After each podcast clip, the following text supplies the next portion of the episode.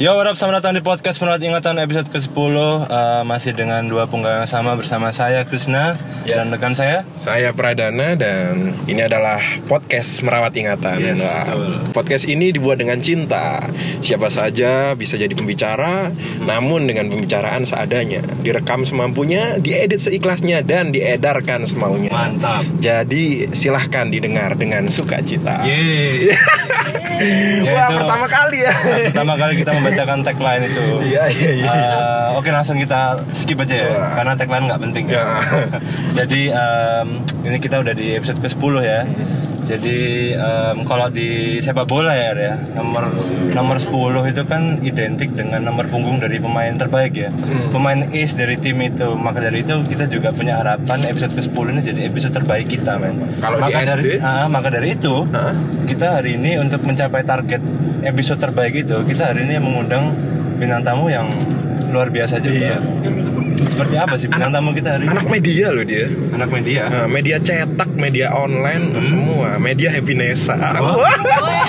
Kenapa, kenapa, kenapa di setiap podcast kita selalu menyangkut pautkan orang lain sih? Kema- kemarin itu yang di episode 9 kamu bawa, bawa nama Andika Dimas dia protes. kenapa salahnya bawa? Oke. Jadi- Luna Sutisna kan? Halo. Namanya. Jadi dia itu kita kenalin dulu. Jadi dia itu seorang apa ya? Seorang seorang apa ya? Seorang ilustrator ya, seorang desainer gitu kan. Seorang apa? Kapitan. dia seorang desainer gitu kan dia seorang ilustrator juga gambarnya keren dia juga seorang budayawan er tapi dia bukan Sujiwo Tejo dia bukan siapa lagi budayawan Indonesia yang terkenal Hmm, Vincenz.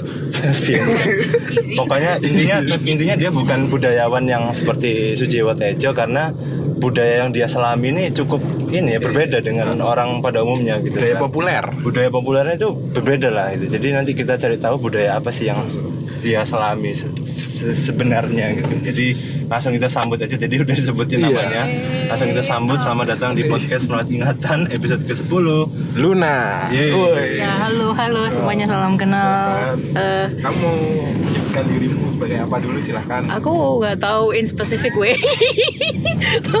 Tapi gini, eh, halo, namaku Luna, eh, umurku 23 Wih, Ya, 23. aku aku tua. Baru 21. Bohong, bohong jangan percaya guys. aku 21. Jadi gini, aku adalah seorang visual apa ya visual artist. Tapi fokusku itu ke ilustrasi sama 2D motion. Tapi itu jadinya freelance. Karena main kerjaanku adalah saat ini aku sebagai desainer iklan dan uh, marketing di harian. Pip. wow. Kalau anda Sebutin aja kalau, kalau anda berani menyebutkan ini berarti oke juga sih Iya. jarang-jarang bintang tamu kita mau nyebutin Ah. korporasi dia bekerja Oh, Tapi tenang, oke. biasanya Sebut- hostnya kok yang nyebutin.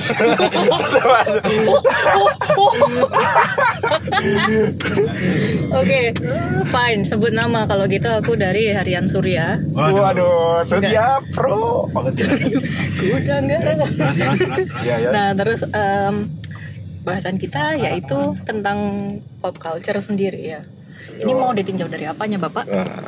apa ya Iya, sebenarnya apa ya kan tadi kita kita kan mem- memperkenalkan kamu kan sebagai sebagai budayawan ya. Aku aku mau buat satu pertanyaan dulu. Ah, ah. Nah, dari deskripsimu, Hmm. kamu percaya alien nggak? Is that a rhetorical question? Itu rabbit hole yang dalam menurutku. Enggak sih sebenarnya. kenapa kenapa Iya, kenapa? Kenapa ya? alien? It- itu sebenarnya menurutku ada Tapi alien kan itu ini pasti gara-gara area 51 yang great itu. oh, enggak.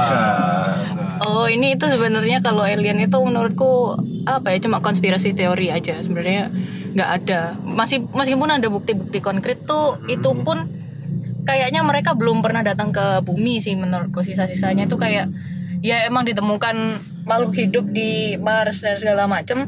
Tapi kalau datang ke bumi sendiri menurutku nggak.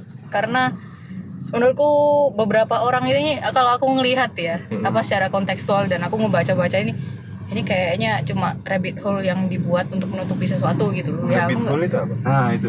Rabbit hole itu kayak apa ya kayak lubang Lubang kelinci kelinci. lu ya ya ya iyalah kayak ini loh apa kayak teori-teori yang terkumpul itu terus nanti dia menjadi dalam dalam dalam dalam makanya namanya rabbit hole. Jadi kita harus mengeksplor itu lubang itu. Jadi di antara semesta yang luas ini kamu kurang percaya alien? ya. Tapi ini alien dalam dalam arti berarti ini loh eh, makhluk yang ada di luar bumi bukan bukan alien yang seperti yang ada di science fiction gitu yang kepalanya lonjong seperti bola American football bukan yang kayak gitu. Oh, kalau misalnya di luar bumi ya percaya kok aku kan aku tadi udah bilang kalau ada adanya makhluk hidup di luar planet bumi itu ada dan udah terbukti. Hmm. Jadi ya emang ada, cuma kalau misalnya turun ke bumi ya enggak. Oh, cuma kamu nggak percaya kalau emang bentuknya seperti yang science fiction yang Enggak. di film-film gitu nggak percaya. Karena belum tentu pasti bentuknya kayak gimana sih. Kayak dia cuma kelihatan tapi samar-samar gitu. Aku ngeliat ngebaca-baca terus ngeliat-liat itu kok hmm, oke gitu. Yap. Oke, mungkin Anda tadi kan saya potong ya udah.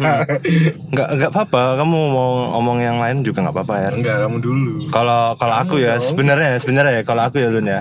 Em, kan aku tadi bilang nih kalau kamu itu kan eh, memperdalam eh, seorang budayawan ya. Budayawan. Budayawan lah karena kamu memperdalam suatu culture lah. Pelaku lah, pelaku. Pelaku atau whatever it is lah. Pokoknya kan Oknum, oknum. Ya intinya Ya, gitulah. Aku pengkonsumsi kalau Ya. gitu. Intinya kan eh, mungkin kamu tahu lah arah arah pembicaraan ini ke mana lah ya. Tahu. Ya intinya kan kamu kan mau memperdalam suatu kultur ya. Iya. Kultur apa ya? eh, Jejepangan ya kalau bisa dibilang ya. Iya mendekati ke Jejepangan sih kalau bisa dibilang karena aku emang ya kalau mau disebut aku adalah dulu adalah cosplayer aktif dalam budaya pop culture karena mengikuti budaya pop itu menurutku apa ya di mana kita itu bisa mengekspresikan diri kita sendiri. Dan pas saat itu di masa-masa itu adalah orang yang mengekspresikan dirinya sebagai yang penyuka anime, penyuka Korea or something like that. Itu merasa tertindas. Di situ ada beberapa event yang mewadahi anak-anak yang seperti itu di mana kita bisa berekspresi sebebasnya ya meskipun ada batasan tertentu. Tapi di situ selain kita bisa mengekspresikan kita bisa tahu apa kenalan sama orang-orang baru yang kita nggak pernah kenal dan kita bisa merasa lega dan nyaman karena kita menemukan orang yang sama sama kayak kita jadi gitu Nah, kon kalau kalau yang apa yang memperdalam culture Jepangan ini kan ada istilah biasanya disebut dengan wibu. Wibu. bener kan ya? Bener nggak? Bener Iya, nggak? iya enggak? iya bener lah Cengah enggak kamu kalau misal ada orang oh, aduh Nah, kamu kamu aduh Seben- nah, kan yang aku mau tanya itu sebenarnya wibu itu adalah istilah dari bahasa apa, dari kata apa? Kenapa kok tiba-tiba kata-kata itu ada dan wibu itu sebenarnya kata-kata yang disematkan orang lain kepada dirimu atau Ya, itu suatu istilah yang kamu kamu, legitimasi. Ya, kamu sematkan ke diri sendiri sebagai legitimasi statusmu itu. Actually kalau wibu wibu atau weeaboo sendiri terminologinya datang dari beberapa forum misalnya kayak Reddit gitu. Mereka menyebut orang weeaboo itu dari Japanopil. Japanopil itu orang yang suka Jepangan. Dan aku nggak tahu gimana bisa jadi wibu itu nggak ngerti. Tapi yang jelas ketika udah nyampe di Jepang, orang yang disebut wibu itu menurut orang Jepang itu adalah hal yang jelek karena mereka terlalu fanatik sehingga apa ya mereka itu kayak lupa sama kehidupan sekitar gitu loh. Jadi mereka itu socially awkward gitu loh. Tapi kalau Higokomori. hikikomori Oh, Apaan tuh? hikikomori itu sesuatu yang apa bukan sesuatu sih orang yang hobinya stay di rumah nah, doing nothing kecuali mereka apa ya need itu not apa sih pokoknya yang dia nggak nggak ngapa-ngapain kecuali nge- freelancer itu biasanya. Freelancer. Free- freelancing hobo. Ya udah gitu. Tapi ketika kita di Indonesia termsnya wibu itu sendiri dibangga-banggakan oleh beberapa orang. Salah satunya adalah yang penikmat-penikmat pop culture milenial ini. Karena wibu itu sesuatu apa ya seseorang atau enggak wiabu koreabu gitu gitu itu dibangga-banggakan karena dia tahu sesuatu yang secara global nggak kayak masyarakat umum yang ya ya cuma tahu cuma tahu sekedar Indonesia Barat gitu aja. Karena aku nggak tahu konteks kulturnya orang Asia kayak gimana sampai digadang-gadang besar. Mungkin karena mereka mempunyai trademark tertentu kayak Jepang misalnya atau Korea gitu. Jadi Korea itu lebih ke girl band boy band. Kalau misalnya di Jepang tuh kayak anime manga gitu-gitu. Jadi mereka kayak punya trademark tertentu yang sampai dibawa ke sini tuh eventnya se- sebulan sekali ada. Ya dua minggu sekali ada. Itu sa- saking seringnya sampai frekuennya bahkan temanku orang Amerika tuh ngomong kok kalian frekuen kayak gini? Dia nggak tahu gitu loh. Eh, di Amerika itu sampai setahun sekali aja?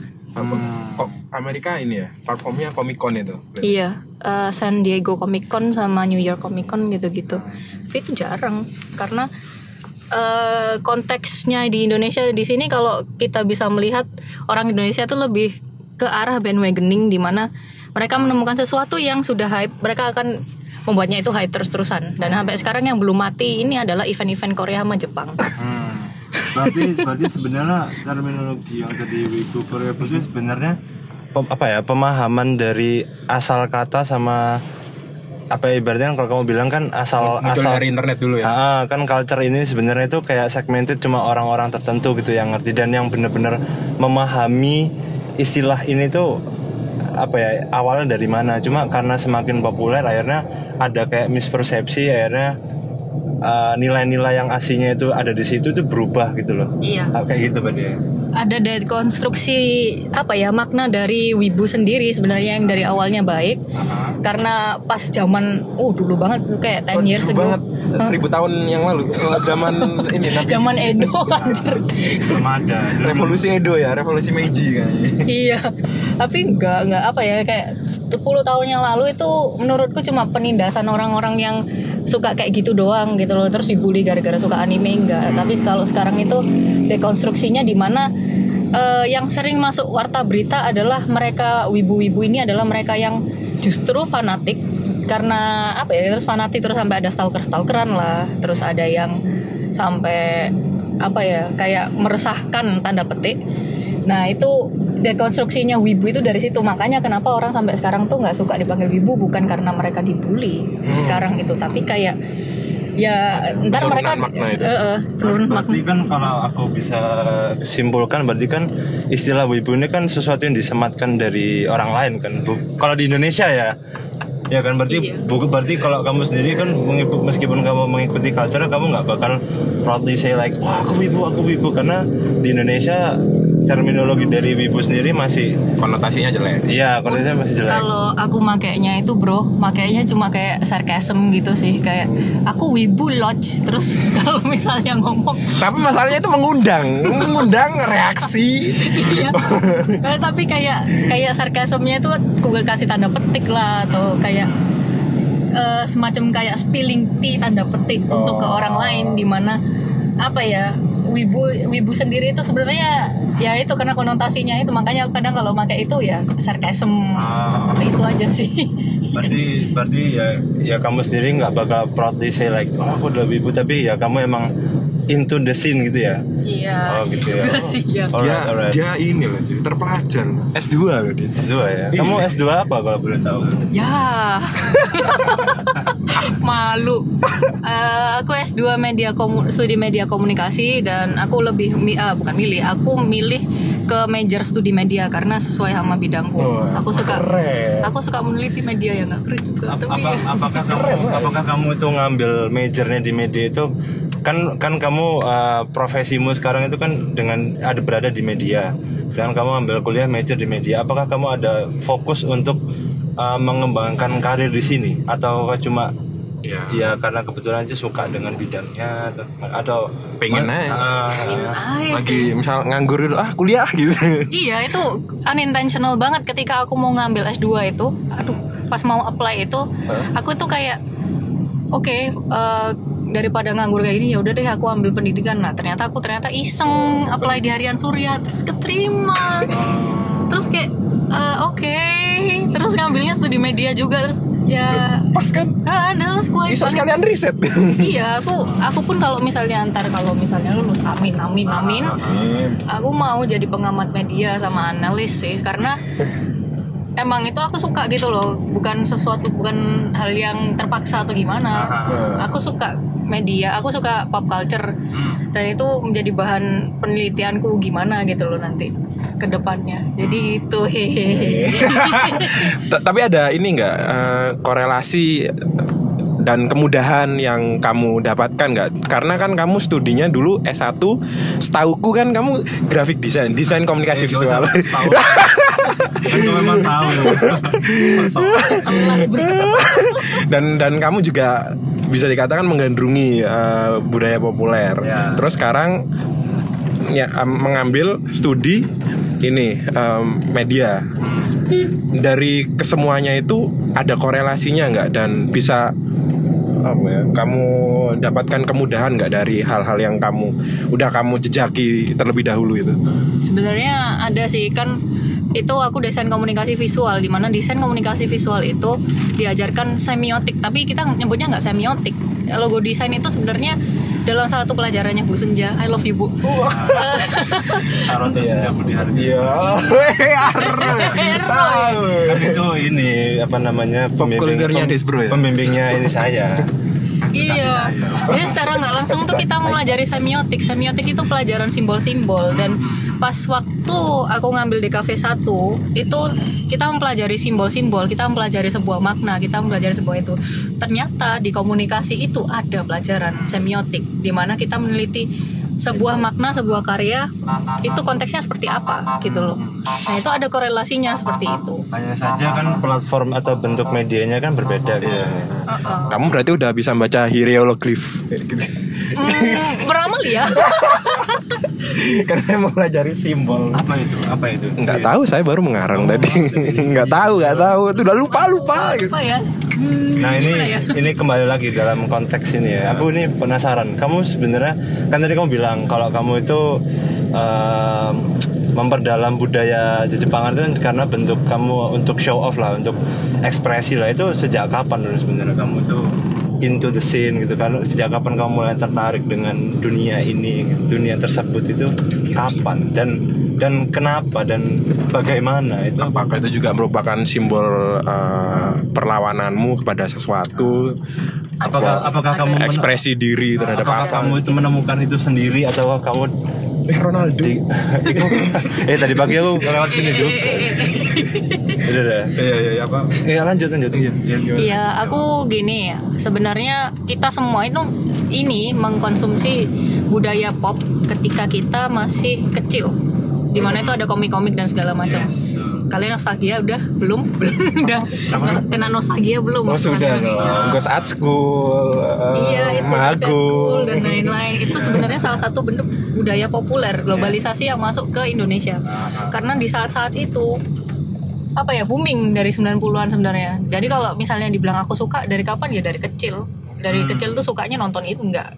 TV apa ya nggak begitu minat tapi aku lebih mainnya ke game PS1 dan lain segala macem gitu. Terus waktu pas zamannya ada Indovision awal muncul ya akhirnya aku nonton di Animax terus akhirnya mulai tertarik buat gambar-gambar yang sampai sekarang aku suka am- sampai sekarang suka gambar gitu. Nah, itu. Nah, kalau misalnya cosplay sendiri sebenarnya dari 2010 karena eh, kalau mau dibilang motivasiku itu adalah senang-senang. Terus aku mau aku mau sesuatu yang berbeda, nggak mau. Aku melawan sama hierarkinya modern yang di mana orang tuh harus gitu-gitu aja. Sedangkan aku kita semua tanda petik quote on quote bentuk apa ya postmodernis. Kita melawan modern itu kita mempertanyakan modern itu dengan cara ya berkostum itu tadi. Ternyata secara nggak langsung aku mikirnya ke situ. Kalau udah kamu kuliah. lawan yang kayak gimana ya? kayak kenapa ya? Apa? Digital gitu nggak modern itu budaya modern itu sesuatu yang terkungkung sama satu apa ya arahan perintah yang dibuat oleh orang yang berkuasa ot- otoriter. Di mana kita pas itu aku sering apa ya di do, bukan dokter semacam kayak disuruh-suruh sama beberapa orang yang berkuasa di rumah gitu loh untuk kamu harus pakai baju seperti ini dan seperti itu. Tapi begitu mereka tahu aku cosplay aku kira aku bakal dibully habis-habisan. Nyatanya ya ah iya. Wah. Iya. Itu pasti sudah direncanakan. iya tapi ketika namaku ada di salah satu fanpage dan mereka tahu kalau apa ternyata aku orangnya baik-baik aja gitu loh dan kan kadang di sana di budaya pop itu kalau berdasarkan buku-buku yang tak baca itu ada kayak prome, promesitas promesitas seksual. Padahal Apa enggak. itu? Apa itu? ya kayak semacam kayak apa ya? Aseksual gitu. Bukan. More like ada kayak simbol seksual ter- terselubung gitu loh karena kan bajunya mereka ketat-ketat gitu. Oh. Tapi ternyata aku emang nggak begitu waktu itu nggak pakai apa ya nggak pakai sesuatu yang buka-bukaan. More like are you Aku- sure? Oh sure. Ya akhirnya ini akhirnya waktu mereka tahu mereka senang ya udah kamu main sama sama teman-teman kayak gitu daripada kamu Bukan seperti Ya, itu. gitu. barangkali barangkali itu ada batu gitu Iya iya. oh barangkali bisa. iya iya iya iya. bukan? Ini, tapi menyalahi unsur konservasi kalau kamu nelek di ini Joy di sungai. Eh enggak lanjutkan. Nah, eh, bentuk perlawanan selainnya adalah aku bener-bener saat itu orangnya dibully habis-habisan karena mereka akhirnya ada yang stalking, destak, destak, destak. Terus eh, anak-anak waktu dulu aku di SMA swasta kan, jadi aku waktu sebelum pindah ke SMA negeri itu anak-anak swasta, ih keras banget main pergaulannya. Jadi kayak tiba-tiba aku dibully, terus eh, aku sampai dipanggil di BP itu pernah karena ya aku pakai baju yang kayak gini lah gitulah. Terus aku dipertanyakan dengan orang tua aku kayak santu-santu aja. Kayak mereka loh kamu ini eh anak saya ini nggak nyakitin siapa-siapa gitu loh. Kenapa kalian kayak gini dan gitu? Dan saya, itu aku aku sadar dan aku paham bahwa teman-temanku yang di budaya pop ini adalah mereka apa ya kayak sanctuary sanctuaryku orang keluarga keduaku gitu loh. Karena ya yang seperti aku bilang di awal tadi di mana adanya event budaya pop itu kita bisa mengutarakan isi hati kita terhadap apa ya terhadap orang-orang yang punya interest yang sama sehingga kita merasa nyaman kita merasa apa ya nggak terbuli dan kita jadi mengerti satu sama lain. Dari situ eh, karena aku paham sama antara budaya pop sama budaya yang ada di Indonesia pada umumnya. Jadi aku kayak aku nggak ada niatan naudzubillah ya naudzubillah mendalik dan mudah-mudahan nggak. Aku bukannya mau sombong apa gimana tapi aku nggak mau ada wow Lemos. ada lemos. Jadi aku nggak mau ada kayak apa ya aku tidak ingin menindas orang-orang yang memiliki interest beda gitu loh. Karena mereka memiliki pola pikir yang berbeda juga. Mereka memiliki insight yang berbeda. Mereka juga punya opini yang berbeda terhadap suatu hal dan hal seperti itu tuh sebenarnya bukan buat yang dibully-bully sama orang-orang gitu loh. Hal seperti itu harusnya kita sayang kita rawat kita apa ya kita ajak kita apa ya jadi temen gitu loh da- da- terhadap sesuatu yang berbeda. Jangankan masalah pop culture masalah yang ada di Papua lah dan segala macam hanya karena beda kulit kita merasa superior gitu loh. Enggak kita nggak boleh kayak gitu. Kita harus menemani sese- seseorang atau sesuatu yang memiliki identitas yang berbeda pola pikir yang berbeda. Sehingga kita bisa tahu apa konteks mereka seperti apa gitu loh. Jadi ya itu salah satu bentuk perlawananku gede terhadap orang-orang normal. Bahwasanya meskipun kalian nggak bisa menerima cosplay atau menerima event-event komik kayak gini pada umumnya tapi setidaknya kalian bisa tahu bahwa eh, kita bisa mengekspresikan ini sebagai apa yang apa apa isi hati kita apa kita seben- sebe- sebenarnya gini loh siapa kita. Jadi gitu. Tapi kalau kamu sendiri itu Aku sebenarnya merinding. pernah iya sih maksudnya Keren. kan kamu tadi bilang sih kayak kamu aku aku punya sesuatu yang aku anut. Ber- berarti kan kamu mengikuti kulturmu ini kan? Terus kamu bilang aku sih bilang nggak nggak kepengen merasa kayak lebih superior atau kayak me, me- apa ya, legitimasi salah benar ke orang yang tidak tidak sepaham dengan kamu gitu kan. Berarti kamu pernah ada di fase itu, maksudnya kayak oh enggak ini ini culture ini cosplay ini adalah sesuatu yang aku percaya untuk untuk eh, untuk ekspresi diriku. Kalau lu misalkan nggak mendukung, kalau lu misalkan nggak sepaham atau lu kontra dengan apa yang gua percaya, berarti lu lu musuh gua atau pernah pernah kayak gitu nggak? aku dulu kalau masalah bela-belnya orang pernah sampai dihujat-hujat kayak gitu sampai di Kamu Aduh, tanggepi itu. Gila itu aku bahkan sampai sekarang ya mas- masuk eh, jangankan aku temen-temenku yang masuk di foto apa foto-foto kayak fanpage umum atau mereka di event umum tapi mereka mengundang cosplayers hujatannya banyak entah dibilang kamu gendut lah atau apa sama netizen Gak netizen pantas, wah, raimu lo ireng, wah. Oh, itu sewering banget. Padahal di Amerika beda ya. Amerika, Eropa gitu tuh less bullying karena mereka udah apa ya tinggal sama orang-orang yang berbeda gitu loh. Tapi kalau di Indonesia sendiri kan kita serumpun semua, jadi kayak susah gitu loh sebenarnya kita menyatukan pikiran kita sama orang lain. Mayoritas rumpun. Bukan Iya. semua. Mm, Mantap. Jadi jadi ya kalau dipikir kembali adalah eh, iya aku pernah di di fase labil seperti itu, tapi sekarang makin ke sini makin paham aku kayak oh ada beberapa orang yang nggak bisa masuk sama pop culture jadi aku nggak bisa maksain gitu loh. Ah. ya udah serah serah kalian. Aku yang jelas udah menyampaikan mandatku seperti itu. Kalau misalnya nggak mau percaya ya nggak apa-apa. Toh ya juga masih banyak orang yang masih bisa ngerti gitu loh. Karena mereka sendiri aku nggak tahu. Mungkin karena mayoritas orang kan dari kecilnya gede sama pop culture. Ya karena dari TV-TV itu dari komik-komik yang beredar waktu zaman dulu dari rental-rental yang ada gitu loh. Mungkin karena mereka mengertinya dari itu sedangkan orang-orang yang nggak bisa paham itu kadang adalah menurutku ya udahlah mungkin mereka belum tahu gitu loh atau kurang pengalaman dalam hal-hal seperti ini jadi aku nggak bisa maksain. Jadi nggak apa-apa. Iya. Karena kalau aku sendiri Lun ya, kalau aku sendiri tuh kan aku dulu SMA itu eh, teman-teman dekatku itu kan rata-rata emang dekat ngikut teman-teman dekat ya deket dong anjing teman dekat jauh ya bisa aja Maksudnya, dia di eh, Nusa Kambangan gitu. Waduh, teman dekat saya residivis. Serem ya.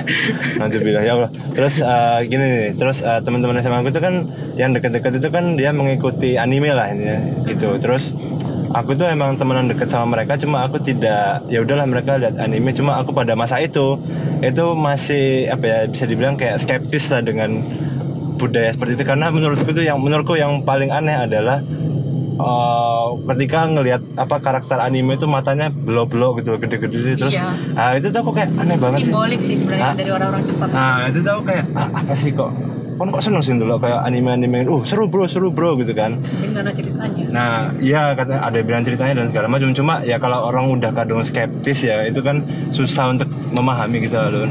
Nah, singkat cerita tuh apa itu teman-teman sebangkuku dia itu suka lihat anime juga dan itu waktu itu lagi kita lagi pas puasaan dia lihat anime di laptop gitu kan.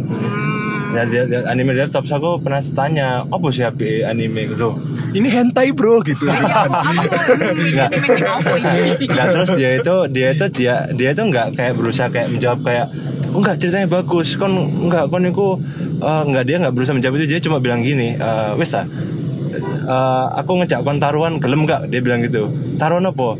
Eh, kon tak kayak satu eh, salah satu series anime terbaikku menurutku lek misalnya kon lek misalnya kon nangis eh, dan kon nangis dan terhanyut dalam cerita cerita anime ini Wow. berarti eh, aku, aku sih menang tapi like, misalnya kon gak nangis dan kon gak menghabiskan series ini berarti eh, kon sing menang paham gak sih? Ya. ya kan? Dan, dan itu maksudnya pas puasaan gitu loh pas puasaan ngajak taruhan kan sangat aneh sekali gitu loh. Ya apa-apa. Itu kan Ya. maaf pemaaf kok. Nah, itu itu ser- itu seriesnya lun. Itu namanya Ano Himitahan atau ya? Iya. Oh oke. Selamat. Anda ada Ano terjun di- Himitahan itu kayak series tapi pendek ya 12 episode kalau nggak salah. Aku Terus mentok Dragon League ya.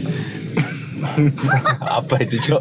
Terus terus Anda singkat tahu kan mungkin. terus singkat cerita singkat cerita itu aku eh, ngelihat itu terus awalnya kayak oke satu episode oke lah gitu. Lanjut dua episode tiga episode keterusan. Dan akhirnya tuh dan itu mulai masuk kayak episode kelima atau enam itu mulai yang ceritanya mulai menyedihkan. Dan aku secara secara tidak sadar secara tidak sadar inilah menitikkan air mata ini gitu. Jadi kayak akhirnya itu akhirnya aku tuh kayak sejak saat itu aku sama itu kayak merasa kayak aku men menelan ludahku sendiri gitu. Kayak anci eh, ternyata ternyata tidak perlu penjelasan yang bertele-tele soal anime dan gimana pun juga ya. Cuma dengan dari taruhan ini ternyata aku jadi ngerti. Bisa ibaratnya kayak jadi apresiasi sesuatu yang aku sulit untuk apresiasi sebelumnya gitu sih. Gitu aja. Iya, aku aku paham. Ah. Soalnya eh, pop pop culture ini termasuk dalam konteks low culture karena peminatnya sendiri itu Low jarang culture. low, Low. culture. ha-ha. Aha. Karena kalau berdasarkan ya aku kebetulan ngambil presentasi itu kemarin. Jadi Dan materi presentasinya secara eksklusif loh bro disampaikan di apa podcast ini. sih? Enggak ini masih masih kulit jeruknya toh, nggak sampai dalam jeruk. Tapi kan Jadi- kulit manggis ada ekstraknya. Enak. Ya, jadi kita ekstraksi dari kulit jeruk itu bahwasannya kita tuh masuk di low culture. Kenapa kita masuk di low culture? Karena peminatnya dikit dan kita ini peminatnya dari orang-orang yang kalangan-kalangan yang Tapi kan nggak kita pop- tahu gitu loh. Pop iya. harusnya populer. tak kira maksud maksudmu julukan lo itu karena biasanya yang um, Karena aku, aku, aku masukin ke art ya yang culture ini. Jadi kayak yang high art itu kan kayak yang misalnya di em, misal satu galeri yang nonton mungkin orang-orang borjuis semua. itu, Nah, itu terus kalau Nah, tak kira kan kalau yang ini kenapa disebut low karena emang harganya relatif murah dan dicetaknya massal sekali.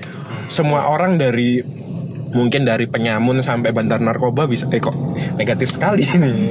Iya, dan maksudnya bisa juga. bisa menikmati gitu loh. Jadi, tak kira itu karena karena hal-hal itu kenapa disebut low culture. Iya emang emang seperti itu. Oh. Tapi kalau misalnya zaman sekarang kalau kita masuk ke low culture itu kita malah di divide lagi justru eh, yang bisa nikmatin cosplay dan yang bisa diketahui oleh nama apa ya nama-namanya yang bisa diketahui itu masuk ke high culture sedangkan kita sebagai mas- masyarakat pro- proletar Kelas bawah sekali Iku iso, iku dibilang low culture. Jadi kalau misalnya dibilang high culture enggak, dia tetap low culture. Cuma yang peminatnya yang terkenal itu masuk ke high culture. Karena eh, acara-acara high, high culture-nya pop culture tuh ada. Ya kayak eh, Indonesian Comic Con atau apa sih yang udah kukut itu C3 Oh, yang- Anime Fest Asia. Yang masuknya 300 ribu itu ya. Iya, iya.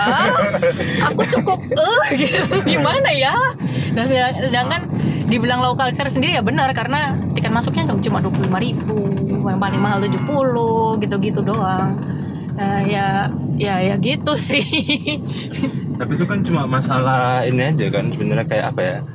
Penyebarannya aja kan. Maksudnya kalau kalau yang high culture sendiri kan sebenarnya kayak ibaratnya dia medianya lebih luas dan lebih terkenal gitu aja nggak sih? Kalau dalam konteks Anjing. iki ya apa culture yang digemari Luna. Eh, aku mau tanya ini dong. Eh, kan lagi-lagi em, balik lagi ke culture yang kamu gandrungi ini. Kan kalau ditarik ke akar, artinya semua ini kembali ke budaya Jepang. Di Jepangan itu kan. Dan itu kamu terapkan nggak dalam kehidupanmu?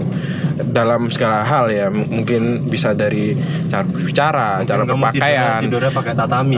Apa yang tatami? Gak tahu. Jangan sampai segitunya. Oh enggak ya? Ya terus. itu wah itu udah dalam taraf absolute madman sih sebenarnya. Terus kamu kan yang em, mungkin aku percaya bahwa segala yang berlebihan itu kurang Kita ke mana baik. nih BTW? Da- dan kamu gimana cara membuat tolak ukurnya gitu loh. Ah. dalam dalam kehidupanmu bahwa oh ini berlebihan nih. Atau enggak atau kamu termasuk orang yang nggak peduli amat ya pokoknya karena aku suka budaya kayak gini aku aplikasiin semuanya dalam eh, segala macam kehidupanku dari aku bangun tidur sampai nanti aku menutup mata gitu ya rasional aja sih sebenarnya. Aku aku berdasarkan pengalaman aja. Ketika orang-orang tuh ngelihat aku makan apa pun pakai sumpit pas zaman zaman zaman 2010-an itu kaget mereka lu ngapain sih pakai sumpit? Itu udah ada sendok garam lu kenapa mau niru-niru orang Jepang banget?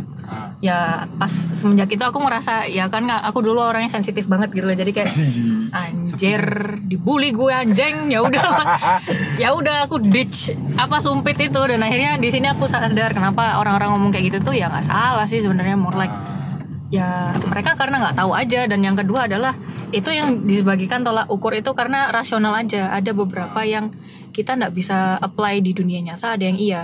Yang iya itu dalam konteks kita komunikasi sama orang kayak misalnya permisi bu sambil nunduk gitu atau selamat pagi bu dan segala macam nggak bilangnya Ohio kayak gitu ya Anjir, itu dikira alien bener. kamu pernah di- kamu kamu ngomong bahasa apa ya? Saya nggak ngerti. Itu ya ampun, dulu itu astaga.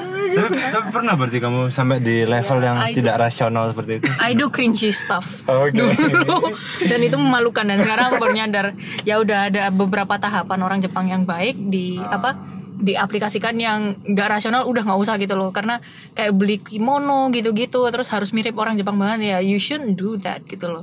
Itu buang-buang waktu dan yang kedua orang-orang Indonesia belum bisa menerima hal-hal seperti ini gitu loh. Dan yang ketiga Surabaya panas kalau kimono. nah iya ngapain gitu? kan, kan sangat tidak rasional kan?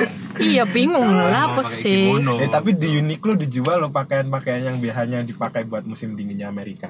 iya iya. iya Tapi- iya sih Tapi karena dia berani jual gitu karena etalasenya dingin di situ. oh iya, berarti kan? emang targetnya harus dipakai di sana ya. Iya targetnya mau dipakai di Iya. mallnya bukan di luar kan. Wes terus sisa-sisanya wes yo gak digawe sih lapo kan panas-panas. Ya, positive thinking aja mungkin kan emang emang brand tersebut itu kan dia emang punya pangsa pasar kan menengah ke atas yang which is orang menengah ke atas itu dia afford untuk jalan-jalan ke luar negeri yang luar neg- negeri negara yang ada saljunya gitu loh. Oh, gitu. kalau misalkan dia ke luar negeri yang tidak turun salju misalkan Timor Leste Papua Nugini ya sia-sia dong gitu kan. Gitu. Mungkin kita positive thinking aja gitu Iya, kan. iya, iya, iya. mungkin dia emang apa mungkin dia uh, tim marketingnya emang beyond shit tadi. Itu mikirnya kayak oh ini pasti orang-orang butuh pakaian dingin seperti ini. Meskipun Surabaya tidak dingin. Iya itu salah satu bentuk apa ya dekonstruksi makna di mana kita itu pakai Memang anak S2 itu eh enggak enggak enggak. Anak S1 S2 masih berusaha S1 enggak I'm sorry. Jadi gini tak pelanin aja. Jadi Gak apa-apa kita paham kok. Mungkin orang-orang yang agak IQ-nya jongkok di luar saya mendengarin ini ya Nanti dicari aja ya makna dekonstruksi.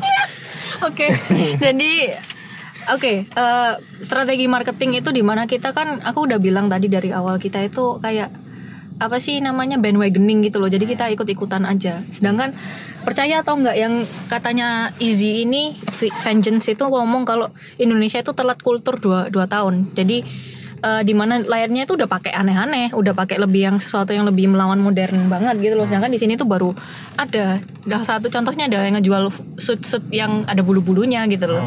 Dan itu pun dipakai cuma buat gaya tok. Itu salah satu bentuk postmodernis sih sebenarnya. Dan apa ya? Dipakai itu buat menunjukkan strata apa strata sosial kita gitu loh. Kadang tuh seperti itu. Eh, kenapa ya? Karena eh, menunjukkan simbolik borjuis dan tidaknya itu sebenarnya menentukan kita akan akannya diterima di satu sosial apa enggaknya sama kayak aku waktu masuk pop culture gitu loh.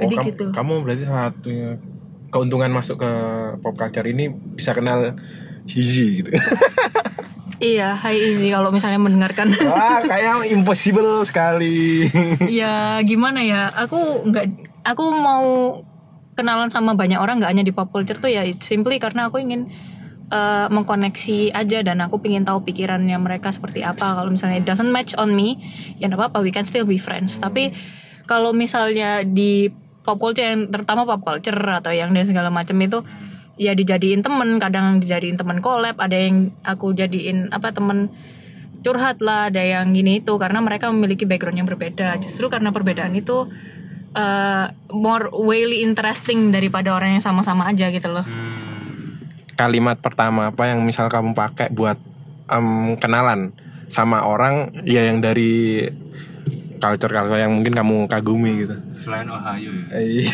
salam kenal cuk Oke, sangat ini ya umum ya, common.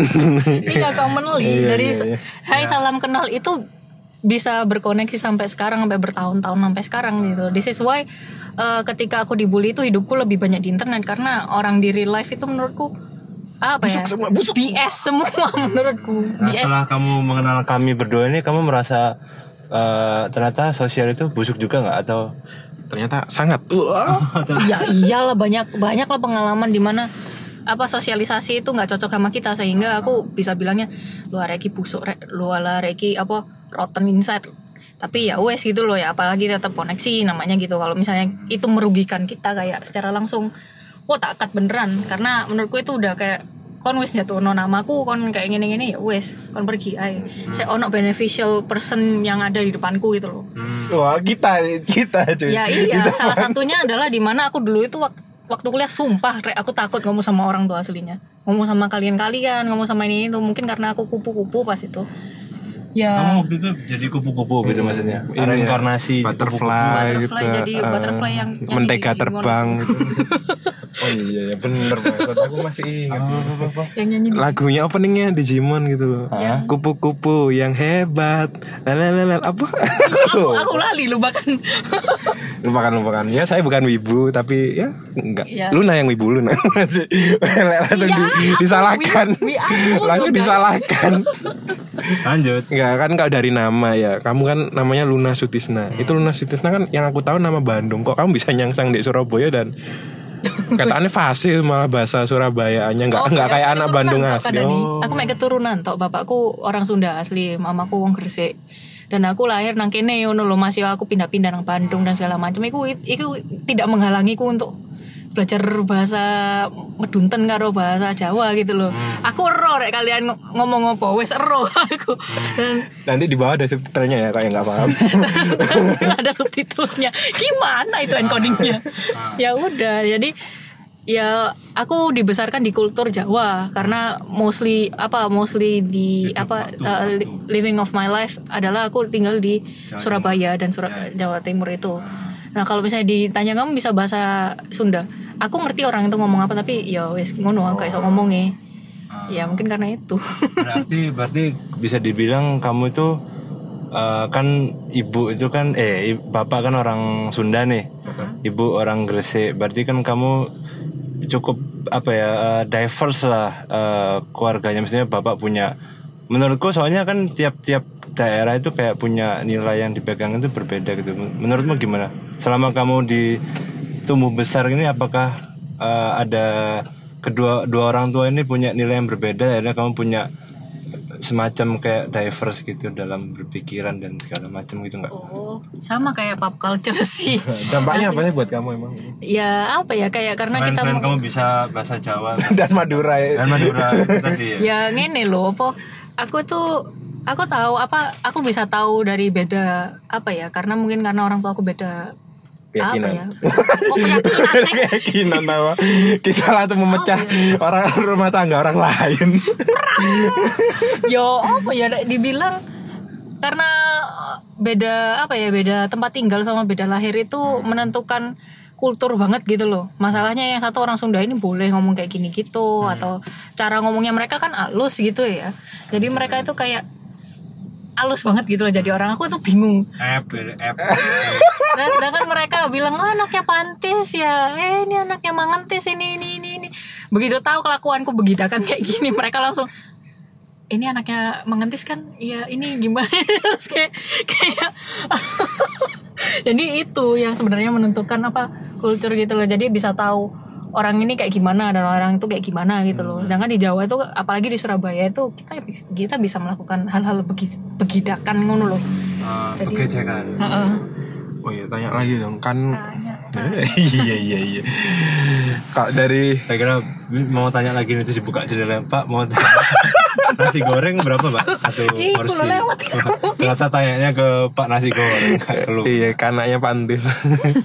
Hah, Bapak anaknya Pak Antis Bang Antis bukan bukan saya mah orang saya mah orang Jawa Tapi Sunda. Saya orang Jawa. Sangat ini dia diverse ya keluarganya gitu kebetulan bapaknya orang Sunda juga Dia tak ngomongin apa? Apa? Permisi, pulau nuwun. Gue kan. Kulo nuwun Kulo nuwun anjing kumaha Kumaha anjing Ya kan kamu eh, dulu sempat menggeluti cosplay. Sekarang enggak ya dan? ya masih itu pun kayak apa ya kayak setahun sekali atau having fun aja kalau ada mau event gitu Saya kan kamu bersinggungan dengan kayak gitu, artinya kan kamu bakalan banyak spend time di luar rumah dan kadang sampai pulang malam-malam kayak gitu. Nah, iya tangga- tanggapan apa ya orang rumah itu kayak gimana? Ada kontra nggak dari kayak gitu? Atau Ya. sebenarnya fine fine aja didukung-dukung aja? sebenarnya ya ya didukung-dukung aja sih sebenarnya kayak mereka ya udah meskipun eh, orang tua aku apa ya ker- bukan keras more like tegas banget soal agama dan yang kedua adalah aku anak perempuan satu-satunya dari enam bersaudara itu aku anak udah bontot anak perempuan satu-satunya gitu loh dan mereka pas tahu aku cosplay itu anxious ke mana-mana gitu loh dan aku anaknya diculik lah atau anaknya ntar jadi Jav artis lah Ah, gimana gimana? Apa itu Jav? Jakarta Audiovisual? Atau ada visual ya wes gitu dan akhirnya eh pas udah tahu ya ya udah mau di- dibiarin aja orang dia seneng seneng kok nggak nyakitin orang lain. Oh, apa sempat sampai kayak nyewa bodyguard buat jaga Luna kayak gitu? enggak, enggak, Enggak, eh, enggak, enggak bodyguardnya itu pun kakakku gitu loh dan kakakku kayak yo sih ya tak tinggal ngopi kon lapo-lapo aja wes Dibayar tapi kakakmu sama orang tua ini bayar. Kamu jaga Luna. iya iya iya perjanjian kontrak gitu, ada materai 6000 ribu enggak enggak. MOU MOU. MOU-nya secara omongan kalau Oh. menentang ya bye kamu dianggap anak bapak nggak gitu kamu harus jaga anak adik kamu bapak Hah, anak papa kalau anak bapak beda lagi Kan kurang roh kudusnya berarti. Loh, tak kira anak bapaknya itu Gundala anak bapak Oh, ya ya ya ya ya ya. Kalau masalah jam pulang malam aku dibatasin jam 8 toh ya aku juga bukan orang yang suka sampai jam 12 malam sih. Pada dasarnya ya Jam udah 5 pagi cukup kan berarti? cukup. Nggak kalaupun kalau apa orang tua kadang jarang banget yang ngizinin nginep di rumah temen. Apalagi kalau temen cewek nggak Gimana gimana apalagi temen cewek maksudnya? Enggak, bu- eh, sorry sorry sorry sorry. Maksudnya kayak temen cewek itu pun temen cewek kayak jarang gitu loh ngebolehin soalnya mereka bilang kamu tuh punya rumah, inget rumah, inget tanggung jawabmu pagi-pagi harus ngapain gitu loh. Jadi mau nggak mau kamu harus pulang karena nanti kalau gini nggak ada yang ngurusin rumahku nggak ada pembantu coy. Makanya, makanya mereka pakai alasan kayak gitu. Oh, akhirnya pakai kamu sebagai pembantu. Iya dong. Sip. Ya, ada ada desk jobnya ya gitu. Kamu pagi nyapu. Iya. Ini. Ada ya. MOU-nya, ada kontraknya juga. Aku hari ini Hmm, Kamu kalau Idul Fitri itu izin sama bapakmu berarti Pak saya mau pulang kampung gitu. Pulang kampung ke mana kamu? Ke papa. papa. Lo rumah kamu tuh di sini. Kok gitu? Gak gitu dong. Oh iya gitu iya iya dong. maaf maaf maaf. Gitu. Tapi kan kan tetap itu cuma status pekerjaannya aja, cuma bukan status keluarganya berubah gitu. Ya, bukan bukan berarti dia, bukan berarti bukan berarti dia jadi pembantu di rumah, bukan berarti dia nggak jadi anaknya juga gitu, Iya, paham iya. sih? Maaf, maaf. Secara profesional tetap jadi pembantu. Iya, maaf, Pak. Cuma anaknya tetap di- dianggap Iya, anak gitu. Maaf bapaknya Luna maaf. gitu. Ya nggak apa-apa, paling dia denger ini Allah. Dia ketawa-ketawa, dia hobi ketawa kok. Santai aja. Oh berarti papamu dengerin podcast juga berarti? Iya, kalau dikasih iya. Oh, Untung tadi tidak ada omongan yang. KNT itu ada, nggak ada nggak ada. Papaku tahu kalau aku berkata kasar. Disupport ya malah ya. Ini bapak punya kamus nih ya, hafal kan. Ini sebenarnya ini ya, aku penasaran kalau kamu sendiri di keluarga itu Eh Tommy Lim. Eh bukan. Budi. Cuk. Ya, kita dilihat. Nggak, kalau kamu sendiri di keluarga itu diajarin maksudnya eh, kayak apa ya di, di dengan sensorship sensorship tertentu nggak misalkan eh kamu nggak boleh ngomong gini kamu nggak boleh ngomong Mama gitu aku sih kayak gitu. kamu nggak boleh nonton film kayak gini Kamu nggak boleh jadi cross hijaber gitu. Ya nggak mungkin dong dia jadi cross hijaber kan dia udah hijaber nggak boleh Oh, iya. jadi cross gitu kan ada tesis ada antitesis. ya kan ibaratnya iya. ya apa ya gimana pokoknya gitu deh ibaratnya uh, kadang itu kita tumbuh besar itu kayak kita di diajarkan itu sengaja ditutup-tutupi akan suatu hal gitu paham gak sih? Kayak oh, kamu nggak boleh ngomong jancuk gitu misalkan. Padahal ya kita kalau udah gede gini udah biasa banget ngomong jancuk. Cuma tergantung Ya. tempat dan waktunya gitu. Kalau misalkan kayak uh, nonton, Biasanya- nonton film gitu misalnya ada adegan uh, kissing gitu kan. Itu oh, kamu kamu nggak kamu nggak boleh lihat gitu kan. Iya itu waktu aku masih kecil sih. Kalau misalnya udah udah gede ini kayak jarang ditegur gitu loh. Apalagi omong-omongan kasar. Kamu nggak boleh ini pas kalau udah gede itu kayak mereka itu udah tahu karena aku sama kakak aku sering ngomong-ngomong yang kasar apalagi main bareng gitu loh. Mabar anjay mabar itu anjay mabar momen itu ya Anjay mereka mabar tahu. Ah. Jadi ya kayak udah nggak dilarang lagi karena aku udah gede. Hmm, tapi kalau kamu sama saudara-saudaramu itu kamu kayak apa ya bisa asik sendiri Ah, apa ya ibaratnya kalau aku ya sama adikku itu kayak ibaratnya kita tuh kadang kayak bisa ah, kayak asik sendiri tanpa apa ngomong itu kayak dengan apa ya, ibaratnya dengan Apa ini? apa ya ibaratnya apa apa apa apa Eh, Raja Wali Raja Wali Paham konteks. ya paham konteks jadi kalau misalkan di di mobil nih gitu kan aku ngomong sama adikku dia kayak kayak menjaga gitu loh biar biar kayak biar sebenarnya nggak apa yang kita omongin itu nggak dimengerti sama orang tua gitu paham paham nggak sih Mana Oh, kamu iya. bilang adikmu pas Oh sakit ada kontekstual tertentu. mau dianti ada. mau diantibus apa ya itu Ah, itu kan itu kan itu kan berdua doang Iya. kalau kalau yang dalam yang yang kalau yang ya gitulah gimana aku jadi bingung sendiri tapi kamu paham kan maksudku Ada ya. Ah. Ada ada momen kayak gitu sampai ibarat ya kamu ada koridor tertentu lah kalau eh, misalnya kamu sa- sama kakakmu ada orang tamu itu kamu tuh menciptakan sandi-sandi ah, tertentu sandi-sandi tertentu Iya, gitu loh Ada, ada dan itu gara-gara itu gara kita ngebahas game pas itu sampai dikepoin mamaku sampai mamaku bilang, "Kok mama nggak boleh tahu? Aku tuh melahirkan kalian. Kalian tuh harus jelasin ke wah masa langsung mamamu langsung aduh bingung kita berdua. taking itu Gimana seriously ya Iya. Iya, iya, Aduh iya. gimana ya? ya udah gitu. karena iya karena kadang itu kalau kita ngobrol nih aku sama adikku misalkan terus sandi kita ngobrol itu bocor saya itu akhirnya kayak ada judging kayak Alah kamu ngapain sih ngomong kayak gitu nggak penting padahal itu sesuatu yang seru gitu loh untuk aku dan adikku obrolin gitu cuma ya gitu deh kayak takutnya merubah momen gitu atau Iya, ya sama sih. I feel you gitu loh. Karena apalagi orang tua aku kayak gitu. Kamu itu ya harus ngejelasin. Kamu tuh harus ngomong sama mama kalau ada apa-apa. Justru yang paling saklek mamamu berarti. ya? Enggak, enggak, mam, enggak, enggak apa-apa, mam.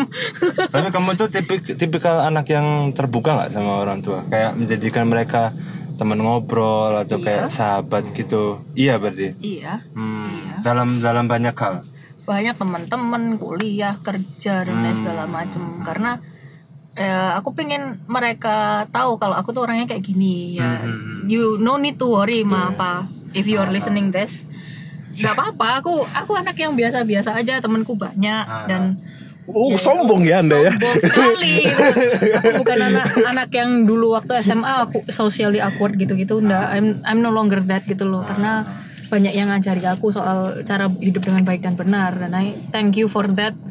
Kalau mama papa enggak bilang apa ya nggak bilang kamu tuh coba ngomong sama orang atau terbukalah sama orang lain. Selain papa mama or something this and that gitu. Secara normatif ya ya mungkin aku nggak kayak sekarang gitu loh. Mungkin aku kayak di rumah atau nggak nggak berani ngomong sama orang saking sama takutnya. kucing gitu. Iya. Oh, jadi kan ngomong coba ngobrol sama orang gitu. Iya kalau aku jadi kucing gitu. aku jadi itu Di- Diego saudaranya Dora itu kan membingungkan.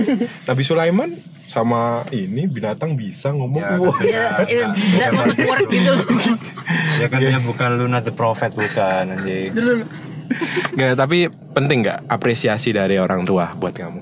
iya sangat penting banget karena eh, apa ya cinta orang tua itu sebenarnya cinta yang nggak bisa dikalahkan oleh siapa pun. Meskipun kita udah punya partner kita udah punya apa sih namanya sahabat-sahabat kita nggak per nggak pernah yang namanya apa ya kalah sama yang namanya cinta orang tua kalaupun kita punya orang tua kalaupun nggak punya eh, keluarga besar lainnya itu selalu ada untuk nge- nge-support dan ngemaklumin kita meskipun ya nggak tahu ya aku ada beberapa teman-temanku yang emang keluarganya nggak enak gitu loh.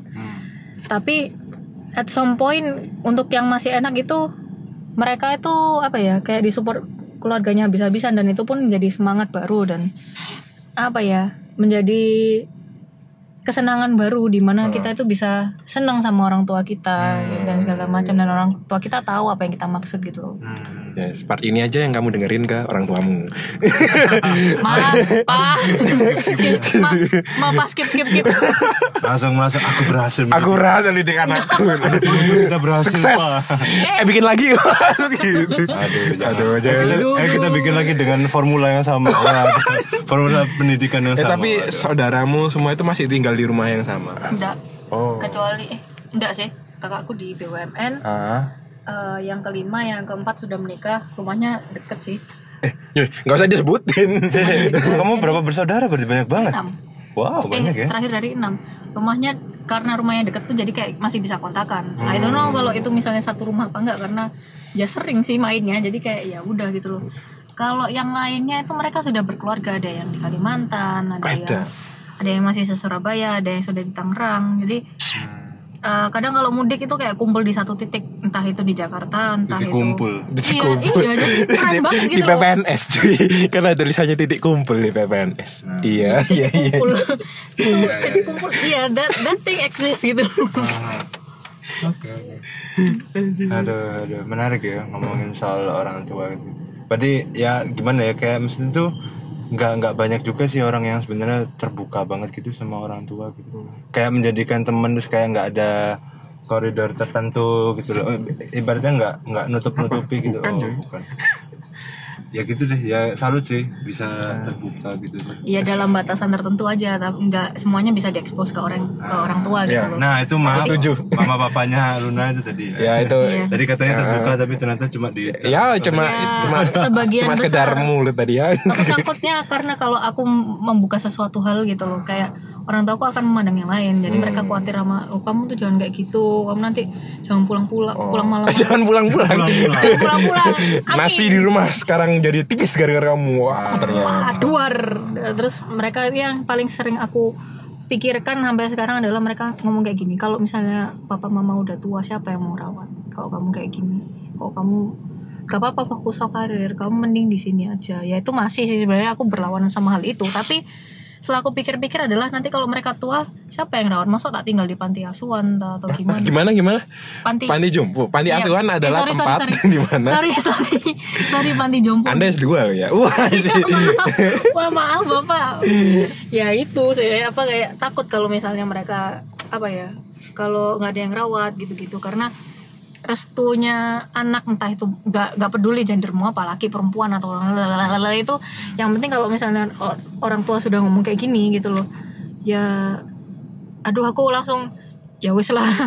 Ya itu yang bikin aku aku pingin banggain orang tua aku meskipun caranya rada berbeda gitu loh. Meskipun mereka bilangnya saya kurang saya ini ini ini kamu harus nyoba lagi nyoba lagi nyoba lagi tapi setidaknya mereka tahu kalau anaknya sudah di titik ini dan mereka sen- cukup seneng gitu oh lega alhamdulillah puji Tuhan dan, dan, dan mereka juga ngerti kalau kamu berusaha gitu kan iya tahu kok mereka Allah tahu sih Cukup variatif memang kehidupan Luna. eh Gimana? Iya, konflik-konfliknya. konflik ini huru hara Hmm. sosial Bukan gitu. oh enggak ya. dulu dulu Duh, duh. apa apakah kita sudah maksud udah masuk ke segmen ini Iya. Eh, opening eh eh, penutupan klasik ya Oke, penutupan Ayo, klasik. Gimana? ikonik ya penutupan ikonik Oke, silahkan. gimana tuh penutupan ikonik kita Sama jangan bilang Anda lupa.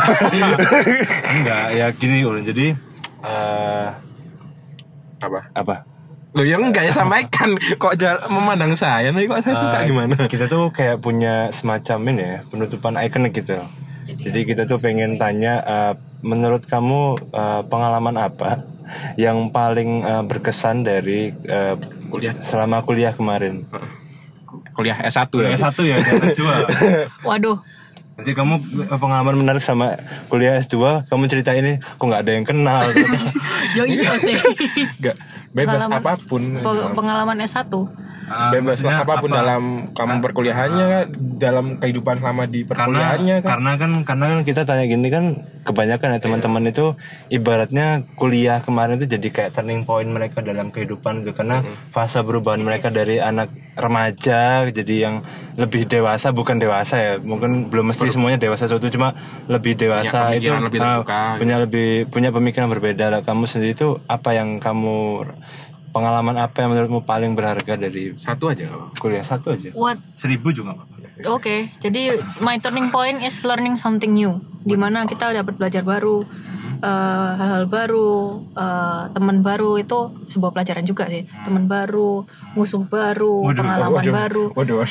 Iya karena semuanya nggak dicap sebagai sesuatu hal yang bagus-bagus aja, jelek-jeleknya ada. Tapi bukan berarti kita meninggalkan jelek-jelek itu. Kita harus we had to face it dan kita harus memahami kejelekan itu itu sebenarnya salah satu part dari kehidupan. Makanya kita belajar sesuatu yang baru atau belajar something new itu hal yang krusial dalam hidup kita karena we still kept learning on at new stuffs gitu loh.